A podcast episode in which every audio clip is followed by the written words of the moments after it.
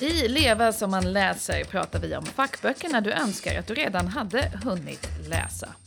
Och vi inte bara läser dessa böcker, vi testar att leva dem. I varje avsnitt provar en av oss att följa råden i en aktuell fack eller businessbok. Jag heter Katrin Marsall och jag gör den här podden tillsammans med Maria Borelius för Ekonomikanalen EFN. Välkommen till säsong två av Leva som man läser.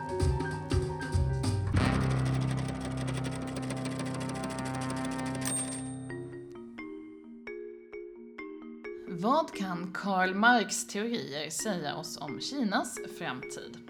Vad skulle Adam Smith tycka om att så många av oss jobbar i tjänstesektorn? Ja, vad kan de stora ekonomernas teorier lära oss om innovation i dagens ekonomi eller om vanliga människors löneutveckling? Linda Yu har skrivit boken The Great Economists, How Their Ideas Can Help Us Today. Ja, går man in i en bokhandel så kan man hitta väldigt många böcker som berättar om naturvetenskap på ett spännande sätt för en bredare publik.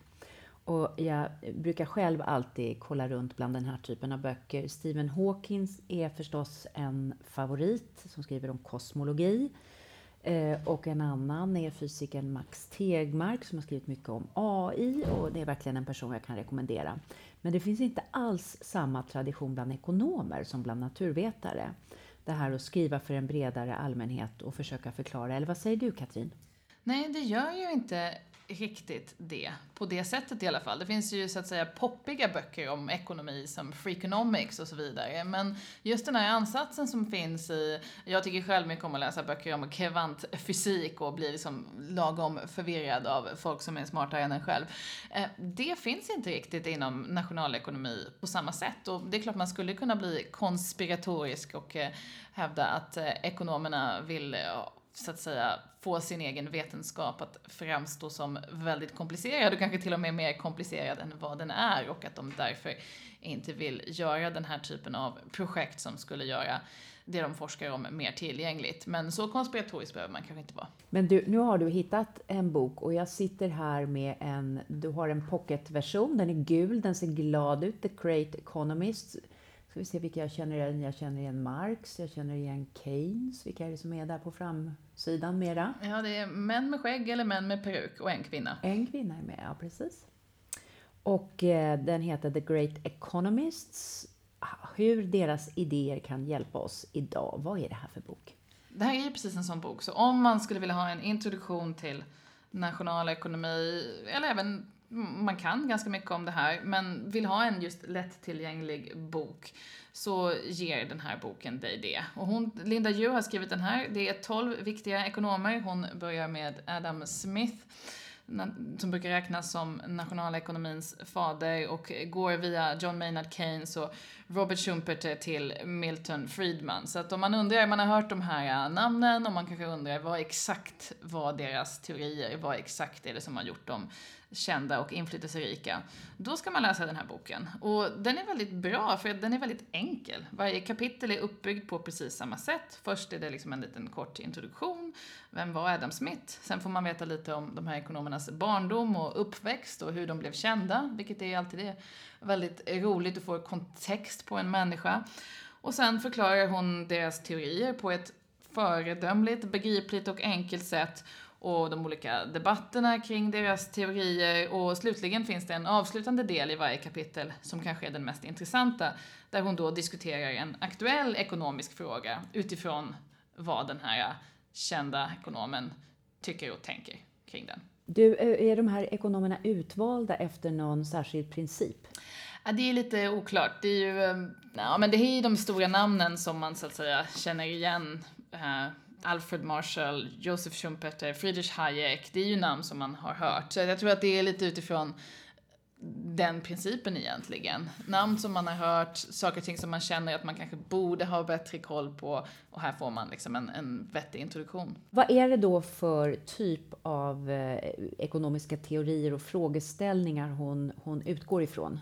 Ja, hon försöker ju koppla det till här och nu och idag. Eh, så att liksom till exempel eh, ja, men ta det här som då världens centralbanker har ägnat sig åt väldigt mycket sedan finanskrisen och som har debatterats extremt mycket de senaste åren. Det som kallas för på ekonomspråk kvantitativa lättnader, alltså quantitative easing.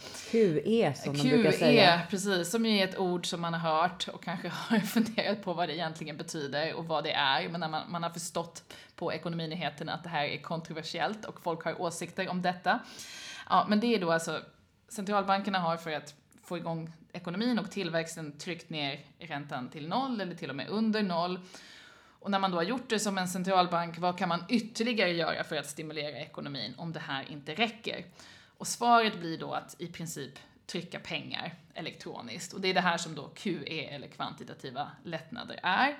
Och det här har varit väldigt kontroversiellt och det är väldigt kontroversiellt fortfarande. Och då får man genom att läsa kapitlet som då handlar om den kända ekonomen Milton Friedman i den här boken eh, bakgrunden till det här tänket. Och liksom man begriper hans tankar kring centralbanker och centralbankernas roll och vad de gjorde fel i tidigare kriser. Och så applicerar hon det på diskussionen om kvantitativa lättnader. Idag till exempel. Så att du får en introduktion till vem Milton Friedman är, lite intressanta anekdoter om honom. Och du förstår mer om det här begreppet kvantitativa lättnader som du har hört väldigt mycket om i media de senaste mm. åren. Mm. Ungefär så är, är varje kapitel. Sen är ju kopplingarna mer eller mindre bra. Hon har ju ett där hon diskuterar Karl Marx kopplat till Kinas tillväxt och det finns ett om Adam Smith och, och tjänstesektorn. Till exempel om vi har låtit tjänstesektorn bli för stor i våra ekonomier. Så att eh, det är väl mer eller mindre bra kopplingar till det dagsaktuella, men, men oftast funkar det. Och Linda Yu, eh, som väl har ett kinesiskt namn va? Jag gissar det. Jag vet, H. jag vet att hon har skrivit om Kina tidigare också. Det, har inte, det här är den enda bok jag har läst av henne. Hon är ekonom, hon är journalist, hon har arbetat för BBC, hon har också en massa här, jag tittar här på hennes CV, en massa professurer hit och dit, eh, Oxford University, ja, London School of Economics, eh, London Business School och, eh, och så vidare.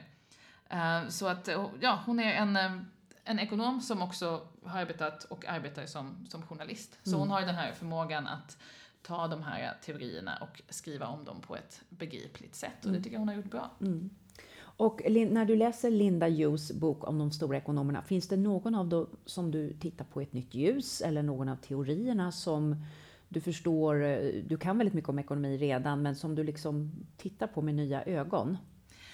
Nej, men det är klart att alltså en del av de här ekonomerna, men ta till exempel Milton Friedman som vi precis pratade om och hans teorier om tankar kring centralbanken. Alltså Milton Friedman är ju ett sånt namn som väldigt många, definitivt jag, tänker på kopplat till en viss politisk agenda. Han kopplas ju ihop med avregleringar och någon slags, vad man skulle kalla för en nyliberal politisk agenda.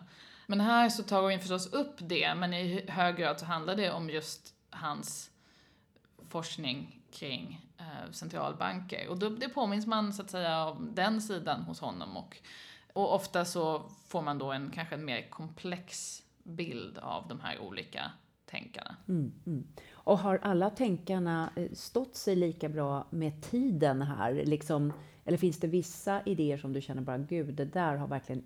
För att vi talar om naturvetenskap. Och det som är bra med bra naturvetenskap är att den står sig ju ganska bra med tiden.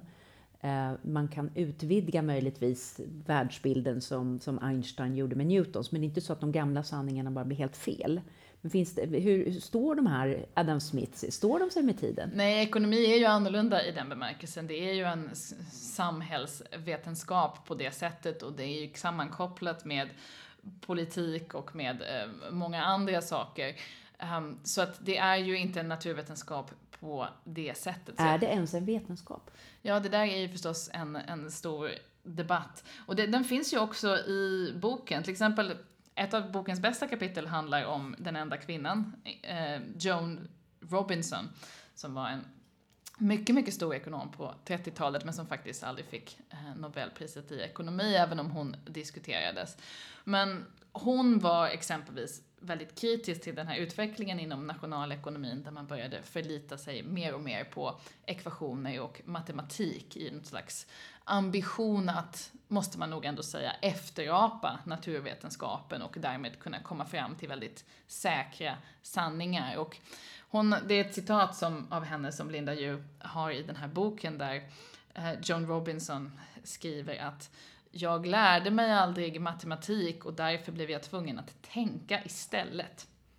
Men det här, det här är ju lite intressant därför att jag har ju inte läst eh, så mycket ekonomi, men jag hade för länge sedan en pojkvän som gick och läste ekonomi. Och jag brukade hjälpa honom med matten. För jag tyckte mycket om matte. Och då tänkte jag, när jag såg de formler han jobbade med, alltså jag skrattade när jag såg dem. För A, de var så enkla. B, så förutsatte de alltid att allting annat var konstant. Yep. Och då kände jag liksom att, men då kan det inte vara en riktig formel om det bara kräver att mer eller mindre hela världen står stilla för att det här ska gälla. Så att eh, jag kan förstå hela det resonemanget. Hennes kritik, precis. Ja. Och, och John Robinson var ju en av de här ekonomerna som inte tyckte att man skulle försöka vara en naturvetenskap utan vara just den här bråkiga samhällsvetenskapen som genom, man kan liksom inte komma fram till säkra sanningar genom att studera ekonomi, men det är ändå otroligt viktigt att studera ekonomi. Du brukar ju alltid, jag vet ju när vi har poddat ihop här genom åren, så brukar du ju citera citatet det här att Gud skapade ekonomer för att få astrologer att framstå som trovärdiga. Står du fast vid det efter att ha läst den här boken? Ja, precis. Ja, nej, jag gillar ju det citatet. Det är av John Kenneth Galbraith, tror jag. Men, ehm, och det är det som är lite roligt med den här boken också, du får ju en hel del sådär bra skvaller om de här stora ekonomerna Ekonomskvaller? Ekonomskvaller. Är, är det hot med ekonomskvaller? Det är hot, det är superhot. Du, vi ska inte ens börja gå in på John Maynard Keynes sexliv, för det okay. får alla våra sexliv att framstå som jag vet inte. Som eh, nollräntepolitik eller? Precis, ungefär. Nollräntepolitik är i och för sig ganska spännande. Någonting jättetråkigt. Någonting mm. jättetråkigt, mm. japp. Nej, men hur som helst. Um, ett mönster som kommer fram väldigt tydligt i den här boken, om man då läser om de här tolv stora, det är ju att stora ekonomer tenderar att vara ganska dåliga på det där med sin egen privatekonomi. För det är lite av ett återkommande tema när hon Aha. så att säga beskriver deras liv. Josef Schumpeter, som är den här ekonomen som många känner från hans begrepp om kreativ förstörelse i ekonomin. Så att säga vikten av att företag som inte fungerar bra ska få gå under för att nya och bättre företag ska kunna växa upp i dess ställe. Han är väldigt inflytelserik eh, ekonom gällande innovation och så vidare, men han gick nästan under under sina skulder på 1920-talet. Irving Fisher, väldigt stor amerikansk ekonom, han menade på 1920-talet att Wall Street minsann aldrig skulle kunna krascha och ja, det gjorde Wall Street som mm. bekant med besked 1929. Han förlorade hela sin förmögenhet på 10 miljoner dollar och när han dog två decennier senare så hade han skulder på över en miljon Oj. dollar. Ja, så ja. Att, eh, det har inte alltid gått så bra för dem att applicera sina ekonomiska teorier på marknaden. John Maynard Keynes, den största brittiska ekonomen måste man väl ändå säga, han förlorade också pengar i flera omgångar, men lyckades å andra sidan alltid bygga upp sin förmögenhet igen. Han var ju också väldigt duktig på att investera i konst. Men var det här för att de liksom direkt gjorde dåliga investeringar eller var det för att de var så där som många akademiker är? Att jag lever ju här i idéernas värld lite mer och det här världsliga Ja, det är ungefär som maten jag äter. Eh, jag har haft väldigt mycket akademiker i min släkt, de kan glömma paraply. Alltså, det liksom finns en idévärld och sen finns det den världsliga världen. Nej, men jag tror att en del av dem definitivt, alltså, det är klart att om du, du kan komma på en teori som visar att liksom Wall Street inte kan krascha och sen så kanske verkligheten inte överensstämmer med den och så tenderar du kanske att tro mer på teorin än på verkligheten om du har en väldigt teoretisk hjärna. Det kan spela viss roll. Sen måste man å andra sidan beundra de som så att säga satsar pengar på det de någonstans efter sina teorier också mm. inte bara mm. sitter och teoretiserar ute i någon slags idévärld. Men sen John Maynard Keynes som ju ändå var, måste man väl ändå säga, ganska bra på att investera pengar. Han var ju faktiskt en ekonom som i väldigt hög grad deltog i andra delar av samhällslivet. Han var ju väldigt aktiv som både som offentlig intellektuell men arbetade liksom konkret på brittiska finansdepartementet och liksom med många stora ekonomiska frågor internationellt på den här tiden. Så att han var väl lite mer, han var kanske inte så mycket i idévärlden som många andra utan mer hands-on. Mm. Och det kanske gör en till en bättre investerare. Men det är väl det som man ibland hör amerikaner säga att uh, If you're so smart, how come you're not rich? Eh, du, det här är ju en podd där vi inte bara läser utan vi testar också. Här är ju väldigt stora teorier, så hur har det gått när du skulle testa det här i ditt eget liv? Ja, jag har ju inte testat teorierna på min privatekonomi. Nej, det, det, det är precis kan bli lite tufft. Ja. Av. Så att, eh, ja, jag eh, kämpade på istället och eh, vi ska höra hur det lät. I was thinking about the, um, the play on Saturday. The play, yeah. Yeah, I know you're a bit worried about it. I'm just a bit worried it's going to be a bit overly artistic and, weird. and weird. But I thought we don't, you know, we'll go, but you know, we have the babysitter. I think, and if we don't I like don't it, you don't want a babysitter. Okay, uh, we can just we can just go in the break if it's really bad. Well, we've paid for the tickets, so I mean, you know, we don't. We'll just have to sit through it. I think. Yeah, yeah, but no, no, no, no, because because this is the economic concept of sunk cost. That's a sunk cost, and we have to. What's sunk cost? Sunk cost means a cost. So we pay for the tickets. We've organised babysitting. It's my cost. It's not. My, who's... no, so that's the cost, but that's that's in the past, right? And there's a real problem in economics if you sort of let your future decisions be governed by your past decisions. The payment for the tickets is gone. We can't get that back. Right? Yes. And that doesn't change from us leaving in the in the break or not. Do you get it? Like it's like a company. Look, if we've made loads of investments into this thing in our company and it costs us lots of money and it's not working. You have to cut your losses to move on. Exactly, because it's a sunk cost. And what people do is they do the other way around. They said, oh, we've invested so much in this program, therefore we're going to continue. And that's a fallacy. You have to just say, okay, the tickets for the show, that's a sunk cost. The babysitter, that's a sunk cost. If the play is terrible, we'll just leave in the break. But the play might be a lot better in the second interval. okay, okay, we're not, we're not gonna leave in the break. Ja, det verkar här som det är lite svårt att applicera de här väldigt stora ekonomiska idéerna på eh, familjen Marsals privatliv. Ja, det är skillnad på eh, makro och mikro onekligen. Och eh, ja, nej, det var inte så lätt.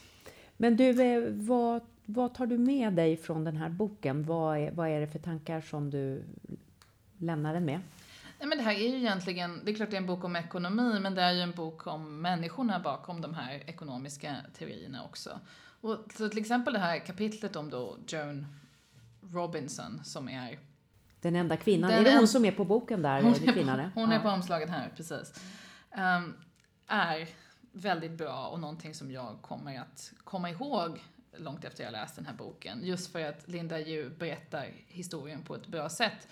Och hon kopplar då Joan Robinson till det här problemet som vi har sett i många ekonomier de senaste decennierna och det är då att lönerna inte har ökat i takt med produktiviteten i många stora länder. Och det här är till exempel någonting som ofta lyfts fram som en grogrund för populismen, exempelvis i USA, där du har haft en en sämre än förväntad löneutveckling för väldigt stora grupper som då många menar har lett fram till den frustration som har kunnat leda fram till Donald Trump. Och det här kopplar hon då Linda Ju till Joan Robinson som hade en fantastisk ekonomisk karriär här i, i Storbritannien. 1930 så var hon fru till en medlem på den ekonomiska fakulteten i Cambridge och tio år senare så var hon en av världens mest respekterade ekonomer faktiskt. Hon blev dock först professor 1965. Det var en viss motstånd mot kvinnor inom det här forskningsfältet. Men hon skrev då bästsäljaren faktiskt, The Economics of Imperfect Competition, som blev en sensation på 30-talet. Mm. Låter det som en bok du skulle läsa? Ja, jag tycker det är en intressant titel. Jag gillar ju titlar med lite mysterium i sig. Ja. Precis. Eh, Men det var då hon som sa det här om att hon aldrig lärde sig matematik och därför var tvungen att tänka istället gällande ekonomi. Hon hade ett spännande liv. Hon pluggade vid Cambridge innan, faktiskt Cambridge var det sista brittiska universitetet där kvinnor fick föreläsa och ta administrativa positioner. Eh, Det var först på 20-talet. Eh, Sen åkte hon till Indien och undervisade en maharadja i ekonomi, Wow, som man gör coolt.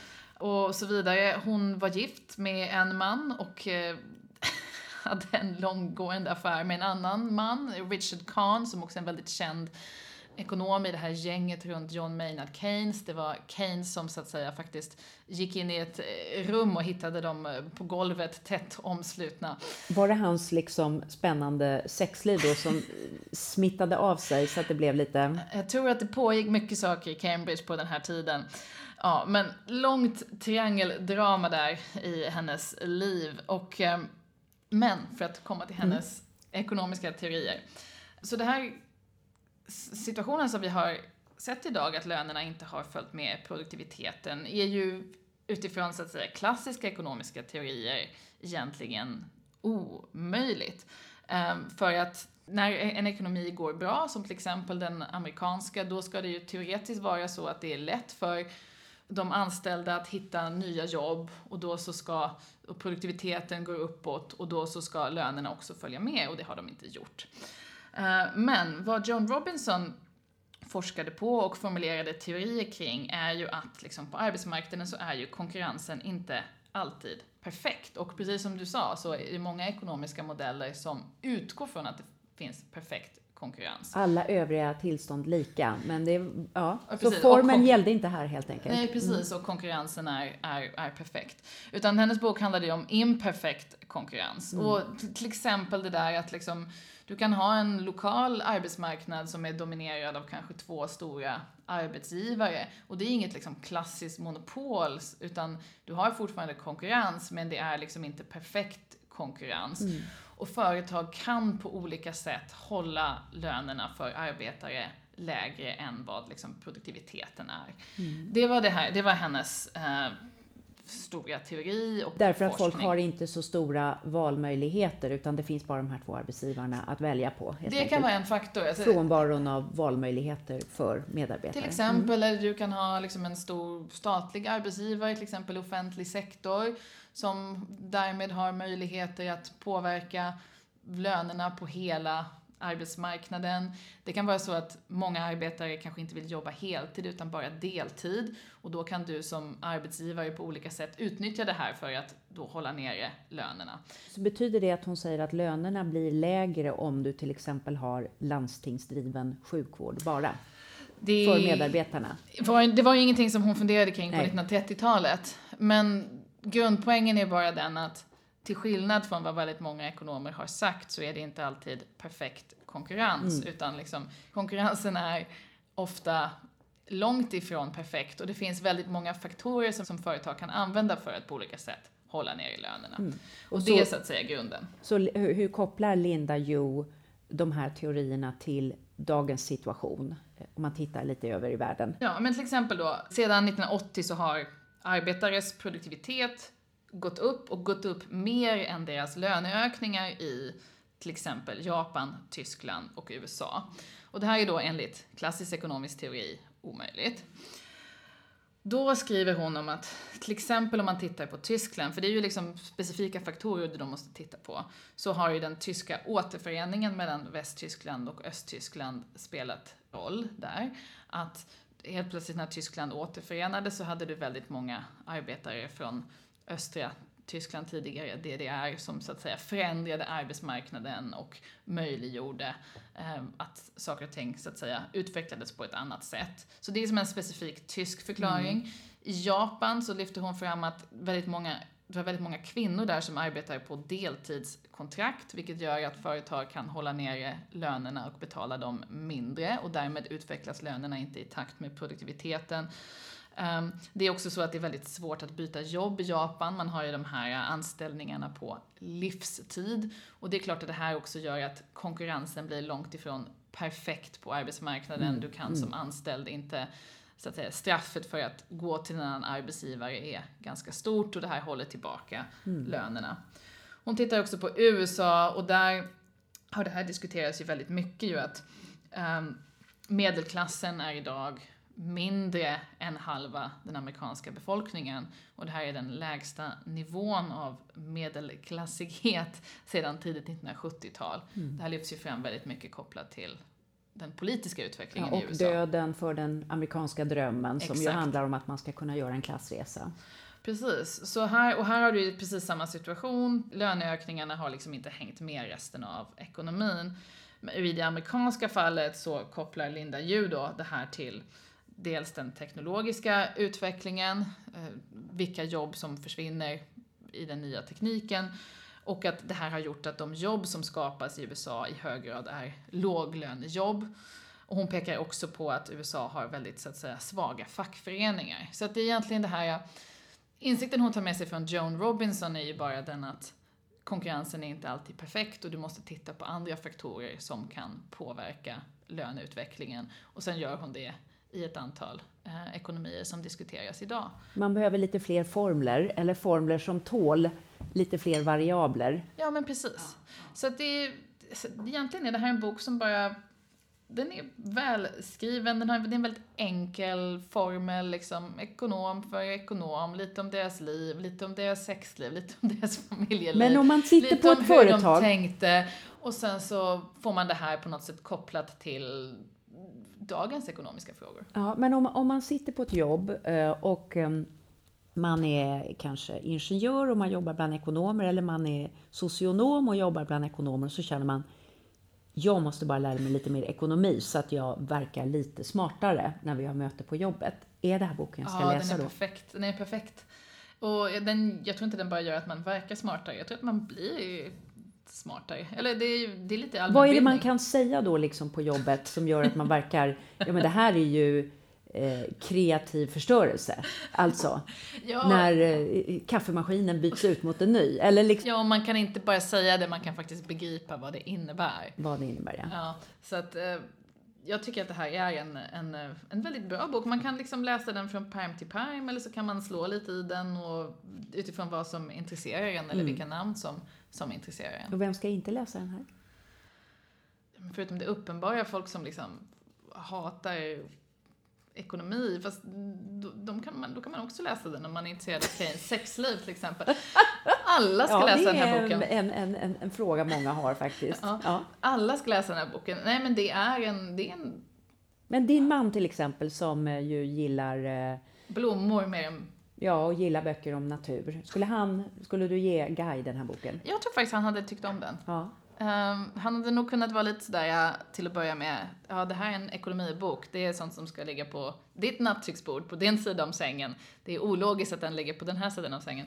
Men sen tror jag att om han hade börjat läsa i den så hade han nog fastnat och sen kan jag tänka mig att han hade börjat mansplaina alla de här ekonomiska teorierna för mig mm -hmm. på ett sätt som jag nog hade tyckt var irriterande. Så att jag ska nog inte ge honom boken, trots allt. Trots allt. Eh, men du, eh, jag blir lite sugen på den själv. Eh, och du som brukar vara skeptisk till nationalekonomi, eh, har den här fått dig att titta på din gamla, ditt gamla huvudämne på något nytt sätt?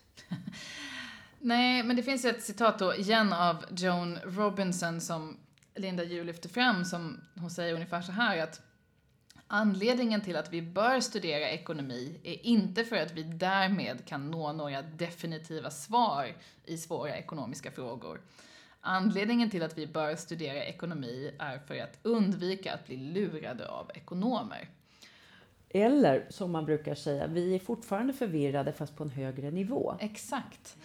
Och vi begriper lite mer om vad de här ekonomerna pratar om. Och för att åstadkomma det och uppnå det så är den här boken alldeles utmärkt tycker mm. jag. Och den lyckas också faktiskt, det är så lätt att diskussioner om nationalekonomi blir så väldigt politiska för att de är politiska. Men hon lyckas faktiskt hålla det här äh, hyfsat ändå, så att säga. Sakligt. Sakligt. Ja, ja. ja. Och det här och den här boken som vi har pratat om var alltså idag The Great Economists How Their Ideas Can Help Us Today av Linda Yu. Och det här var Leva som man läser. Jag heter Maria Borelius. Och jag heter Katrin Massa.